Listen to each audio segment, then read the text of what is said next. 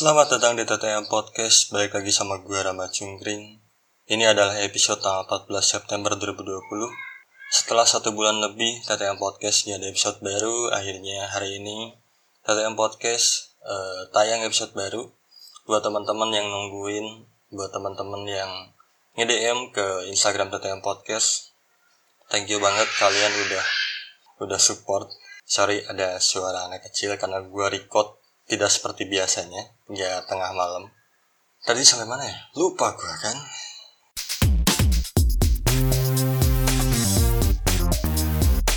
Ya, intinya thank you buat teman-teman yang udah nungguin episode yang podcast, uh, yang udah support, yang udah sering nanya kapan ada episode baru, dan hari ini akhirnya ada episode baru. Untuk hari ini gue mau ngebacain salah satu email yang udah masuk ke tatayampodcast.story@gmail.com ini adalah salah satu email yang gue pilih dari sekian banyak email yang udah masuk. Gue pilih karena uh, ini kayaknya akan sangat relate dengan keadaan sekarang. Karena yang dia ceritain itu uh, karena dampak COVID ini. Oke, gue mulai bacain aja. Halo Karama, panggil lagi aku Hamida. Halo Hamida. Aku tinggal di daerah Jawa Timur lumayan jauh juga ya. Aku mau cerita keadaan yang lagi aku hadapin. Gak berharap masalah ini bisa selesai dengan cerita ke podcast ini. Bener sekali, karena gue hanya hanya bisa uh, menjadi pendengar buat kalian, bisa menjadi teman cerita, tapi belum tentu apa yang gue ucapkan itu bisa menyelesaikan masalah kalian buat teman-teman yang cerita ke gue ke podcast ini jadi bener banget jangan berharap dengan cerita podcast ini bisa selesai. Tapi yang gue harapkan adalah ketika teman-teman cerita ke podcast ini ataupun ke siapa pun, setidaknya itu bisa mengurangi beban pikiran kalian semua gitu. Tapi barangkali Karama punya pendapat atau sedikit saran buat aku. Oke, karena aku dengar di salah satu episode Karama punya pengalaman yang sama. Jadi, aku sekarang lagi ada di posisi di mana dilema antara harus ikut ibu atau bapakku. Oke. Orang tuaku baru cerai baru-baru ini. Alasan yang aku tahu sejauh ini adalah faktor ekonomi dari bapakku. Bapakku kena imbas COVID, dia di PHK, sedangkan di sisi lain, ibuku ini udah punya posisi yang enak banget di kantornya. Eh, apa ya? Eh, gue cukup bukan cukup ya. Sebagai laki-laki gue anjir gimana yang ngomongnya? Gue agak agak bingung. Karena gue tahu uh, sebagai laki-laki punya keinginan besar untuk tanggung jawab untuk menafkahi keluarganya. Tapi ketika dalam kondisi seperti ini masalahnya nggak ada yang bisa disalahin juga gitu. Kita nggak bisa menyalahkan perusahaan karena perusahaan juga e, mereka berjibaku, mereka kerja keras untuk tetap e, bisnisnya berjalan, tapi pemasukan memang omset memang sangat menurun drastis. Makanya sejak WFH beberapa bulan lalu emang udah banyak yang kena PHK. Jadi gue cukup uh, tau lah rasanya sebagai bapaknya kayak gimana nggak enak banget pasti nggak nyaman sama sekali dan cukup tertekan dengan keadaan kayak gitu. Ditambah dia punya istri yang memang pekerjaannya udah enak banget posisinya. Dari Juni lalu mereka udah mulai sering berantem. Awalnya berantem hal yang emang serius sampai akhirnya mereka sering berantem hal yang sepele banget. Yang biasanya nggak jadi masalah sekarang malah jadi masalah yang gede banget Uh, dalam dalam rumah tangga awal-awal sih masalah kecil nggak nggak gimana gimana ya. Tapi makin lama apalagi kalau emang keseringan dipendem masalah kecil ini kan lama kelamaan bakal jadi bumerang buat diri kita sendiri gitu buat keluarganya itu. Jadi berkaca dari dari situasi ini uh, mungkin yang bisa gue bilang adalah ketika kalian semua memang sudah berumah tangga coba uh, komunikasiin apa pun hal sekecil apa pun sama pasangan kalian biar nggak jadi bom waktu buat rumah tangga kalian juga. Puncak dari masalah mereka pas lebaran idul adha. Ibuku minta cerai ke bapakku dan bapak e, ibuku langsung ngurus surat gugatan ke pengadilan agama cukup gesit juga ya. Kayaknya udah bener-bener apa ya mulai bener-bener jengkel muak dan memang nggak zaman dengan tinggal satu rumah sampai akhirnya nggak butuh waktu lama ketika memang sudah memutuskan untuk udah nih gue pengen cerai. Terus dia gerak sendiri sampai akhirnya ya udah ngurus surat-suratnya sendiri juga gitu Aku udah coba tenangkan ibuku, tapi ibuku tetap nggak bisa. Katanya udah muak banget sama bapakku. Aku tiga bersaudara dan aku anak bungsu. Mungkin kakakku nggak ribet mikirin hal ini karena mereka udah tinggal, udah uh, udah nggak tinggal satu rumah, sorry, sama aku dan orang tuaku. Kalau ditanya aku mau ikut sama siapa, aku maunya ikut sama ibu, sama bapakku. Tapi ibuku maksa aku buat ikut tinggal sama ibuku. Mungkin lebih tepatnya bukan nggak mikirin ya Hamidah tentang kedua kakak lu, tapi karena memang lu nggak sering ketemu jadi lu nggak tahu apa yang ada di pikiran mereka. Dan juga siapa tahu mereka juga membantu dengan caranya masing-masing untuk berusaha mendamaikan orang tuanya lu gitu. Jadi jangan langsung uh, apa ya ngasih kesimpulan bahwa kedua kakak lu nggak mikirin keadaan itu walaupun gue cukup tahu uh, lu yang memang mungkin setiap hari ngelihat mereka berantem itu sangat gak nyaman dan eh, gue cukup tahu itu sangat berdampak buruk buat lu ke depannya kalau misalkan nggak ada hal yang dilakuin sama sekali gitu. Kalau ngomongin uh, masalah lu mau ikut sama siapa itu sebenarnya kan memang bener-bener pilihan lu. Dan sebenarnya menurut gue orang tua lo harus bener-bener ngobrol harus bisa e, berdamai dengan keadaan harus bisa nerima keadaan kayak sekarang. Terutama mungkin ibu lu nyokap lu. Nyokap lu harus berlapang dada ketika emang lu memilih untuk tinggal sama bapak lu tapi gue cukup mengerti juga di sisi lain kenapa ibu lu memilih untuk uh, lu tinggal sama dia. Mungkin yang ada di pikiran gue adalah bokap lu kan memang dalam keadaan tidak bekerja karena di PHK dan nyokap lu masih bekerja ditambah dia punya posisi yang sangat enak sangat nyaman di kantornya. Mungkin eh, nyokap lu memikirkan tentang kebutuhan lu tentang sekolah lu atau kuliah lu jadi nyokap lu tidak cukup percaya kalau misalnya lu tinggal sama bakap lu karena uh, nyokap lu berpikir nanti lu makan gimana, sekolah gimana, kebutuhan lu gimana, dan lain-lain. Gue cukup mengerti tentang hal itu. Walaupun sebenarnya kalau mereka memang sudah bisa berdamai, bisa aja ketika emang lu tetap milih tinggal sama bokap lu, uh, nyokap lu tetap ngebantuin biaya kebutuhan lu, walaupun memang itu bukan kewajiban seorang ibu, tapi menurut gue kita harus bisa berdamai dengan keadaan kita harus melihat situasinya seperti apa ditambah memang e, negara ini bahkan dunia memang ekonominya lagi jatuh jadi seharusnya ya seharusnya sih bisa gitu ketika sudah berdamai lu tinggal sama bokap lu biaya sementara dari nyokap lu dan gue cukup yakin bokap lu nggak akan tinggal diam. Gue cukup yakin lo punya bokap yang sangat bertanggung jawab jadi nggak mungkin cuman diem aja nggak nyari kerjaan lain nggak nyari penghasilan lain untuk bisa membiayai kebutuhan lo karena aku nggak nyaman sama suasana rumah sementara aku milih tinggal sama kakakku yang pertama sama istrinya kakakku cukup bisa tenangkan ibuku tiap maksa aku pulang ke rumah tapi aku nggak enak sama istrinya soalnya tiap ibuku datang, pasti suasana di sini jadi nggak enak. Di luar itu, aku masih cukup kaget di umur mereka yang udah gak muda lagi. Aku harus melihat mereka bercerai. Aku nggak tahu harus gimana ngadepin ini. Sejauh ini aku masih menghindar dari apa yang aku seharusnya hadapin. Ketika lo memutuskan untuk tinggal sama kakak lo, gue tidak tahu apakah itu menjadi keputusan yang tepat atau enggak.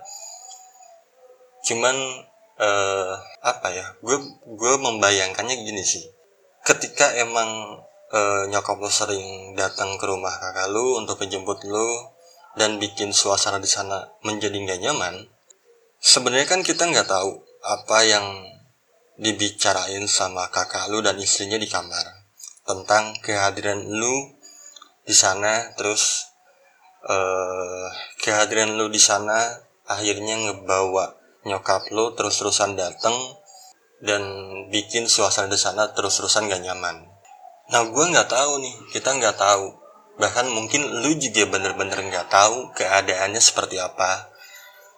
Ketika mereka berdua ngobrol di kamar, apakah istrinya ini benar-benar menerima lu karena dia peduli, karena dia sayang sama lu, karena dia cukup mengerti posisi lu, atau eh istrinya ini membiarkan lu tinggal di sana karena hanya sekedar menghargai bahwa lu ini adalah adik dari suaminya yang artinya menurut gue itu sama aja bisa dibilang enggak enggak ikhlas gitu kan. Mungkin mungkin ya. Mungkin aja di belakang lu di belakang suami lu eh sorry. Di belakang suaminya dia ini ngedumel gitu. Jadi mungkin gue cuman bisa bilang kayaknya lu harus ngobrol berdua sama sama kakak ipar lu mulai dari cerita yang ringan-ringan aja membangun komunikasi yang yang baik sama ipar kakak ipar lu. Terus ya lu mulai tanya apakah tuang saat itu lewat. Apakah eh, kehadiran lu di sana ini benar-benar diterima sama dia? Atau sebenarnya kakak lu ini tidak eh, apa tidak nyaman atas kehadiran lu? Ketika memang kakak ipar lu memang menerima welcome peduli sama lu. Eh, itu bisa menjadi keputusan yang sangat tepat. Ditambah ya lu ada teman cerita lu ada tempat berlindung untuk sementara waktu. Lu bisa uh, menjernihkan pikiran lu dan lain sebagainya. Tapi ketika memang kakak ipar lu tidak nyaman karena uh, nyokap lu udah keseringan datang sana bikin suasana di sana nggak nyaman kayaknya gue harus bilang mau nggak mau lu harus pulang sih. Mau nggak mau. Karena yang gue khawatirkan adalah uh, gini loh. Tadi kan gue udah ngomong bahwa kita nggak tahu apa yang terjadi di kamar obrolan mereka seperti apa. Yang gue takutkan uh, kehadiran lo ini malah uh, bikin ada pertengkaran kecil antara kakak lu sama istrinya gitu. Nah itu kan makin apa ya makin gak nyaman lagi gitu.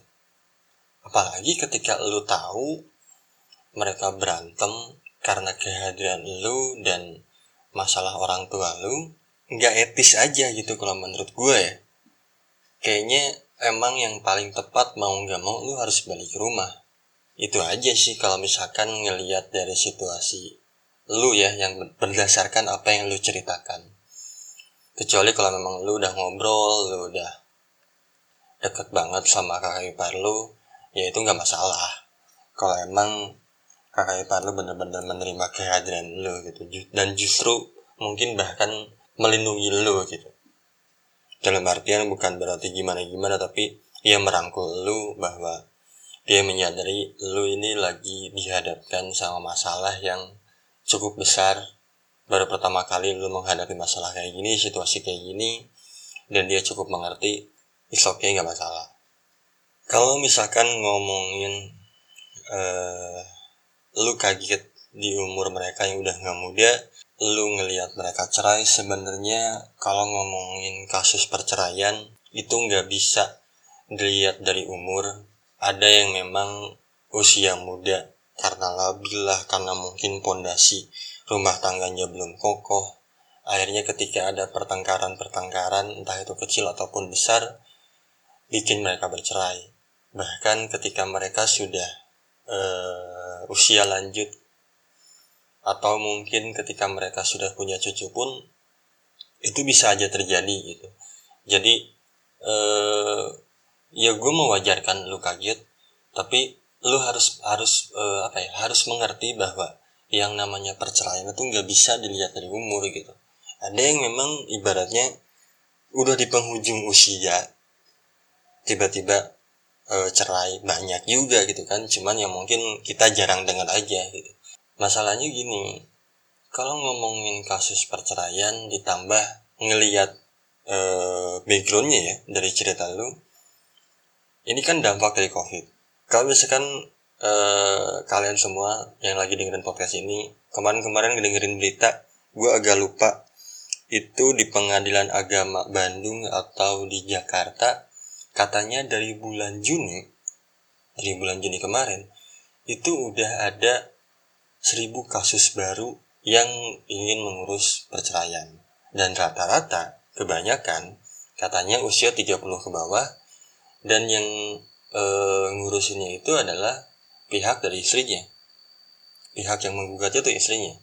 Jadi, e, apa ya, dampak covid ini emang bener-bener luas, bukan cuma ekonomi aja, bukan cuman eh, apa ya beban pikiran aja bukan cuma itu tapi bener-bener bercabang banget sampai apa ya ya akhirnya kita bisa ngelihat sekarang-sekarang banyak banget kasus perceraian.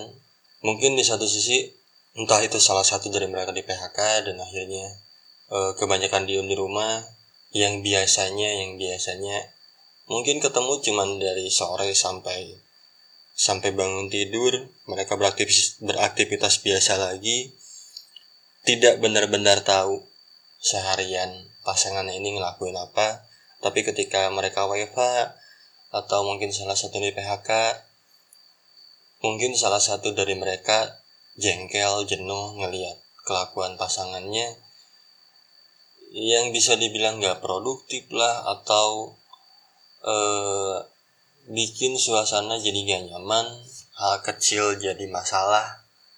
Ya banyak sih sebetulnya gitu ketika ketika kondisi kayak gini ditambah memang pikiran lu kan nggak nggak bener-bener fresh gitu keadaan sekarang. Agak susah gitu. Karena banyak banget yang lu pikirin tentang biaya hidup lu tentang kerjaan lu dan lain-lain gitu. Jadi menurut gue mau muda ataupun udah tua tidak menentukan yang namanya keutuhan rumah tangga. Yang nama yang namanya perceraian bisa aja terjadi. Uh, eh, gue tahu ini situasi yang sangat tidak nyaman untuk lu Hamidah tapi kalau misalkan lu nanya sama gue kalau memang itu adalah keputusan yang terbaik dari yang terburuk yang diambil sama kedua orang tua lu lu harus mulai belajar menerima. Lu harus harus bisa ngadepin situasi yang yang kayak sekarang.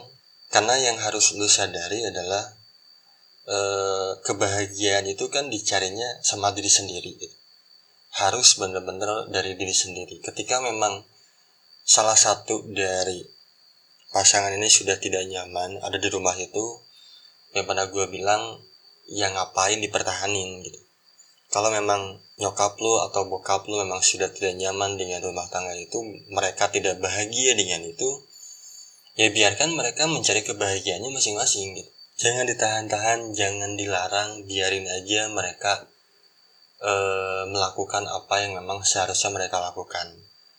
Dan buat lo Abida e, yang tadi gue bilang kebahagiaan itu datangnya itu dari diri lo ketika memang lo sudah menerima gue yakin lo bisa menemukan kebahagiaan lo dengan situasi yang baru dengan keadaan memang orang tua lo udah gak bisa bareng-bareng lagi biarin aja mereka hidup dengan kehidupan mereka yang baru doain aja buat mereka semoga keputusan yang mereka ambil itu bisa membuat mereka benar-benar bahagia. Bukan hanya emosi sesaat nah kalau ngomongin pendapat mungkin itu sebagian kecil pendapat dari gue Hamidah atau bahkan yang lagi dengerin podcast ini boleh setuju, boleh enggak, karena menurut gue setuju itu nggak harus dilakuin walaupun itu baik. Nah buat teman-teman yang mau ngirim cerita, yang mau berbagi pengalaman kalian, apa pun yang kalian hadapi sekarang atau mau flashback ke belakang menceritakan kisah lama kalian, teman-teman bisa kirim uh, via email. Emailnya adalah tatayampodcast.story@gmail.com atau mungkin teman-teman bisa kontak langsung ke gue kontak gue ada di Instagram Tatayam Podcast tinggal chat aja. Semoga gue ada waktu untuk e, menjadi pendengar kalian. Jadi bukan hanya kalian yang mendengarkan podcast ini tapi gue juga mendengarkan cerita dari kalian. Karena tujuan dari podcast e, yang gue bikin sekarang ini memang gue ingin mewadahi teman-teman yang pengen cerita tentang apa pun. Tanpa gue usik eh, privasi kalian gue hanya mendengarkan hanya hanya apa ya menjadi telinga buat kalian semua. Gue berharap eh, setidaknya setidaknya beban kalian yang cerita sedikit berkurang. Walaupun gue tahu mungkin tidak akan bisa menyelesaikan masalah karena gue bukan orang yang ada di sana yang memang seharusnya kan kalian semua yang menyelesaikan masalah masing-masing gitu. Lu yang punya keputusan semua orang gua teman-teman lu orang-orang terdekat lu hanya bisa ngasih saran ngasih pendapat. Balik lagi keputusan ada di tangan lu sendiri dan itu yang menentukan apakah lu akan bahagia atau enggak. Terakhir dari gue seperti biasa bahagia sendiri buat apa rasa sendiri itu kan gak nyaman Sampai ketemu di episode selanjutnya, gue Rama Cungkring pamit undur diri.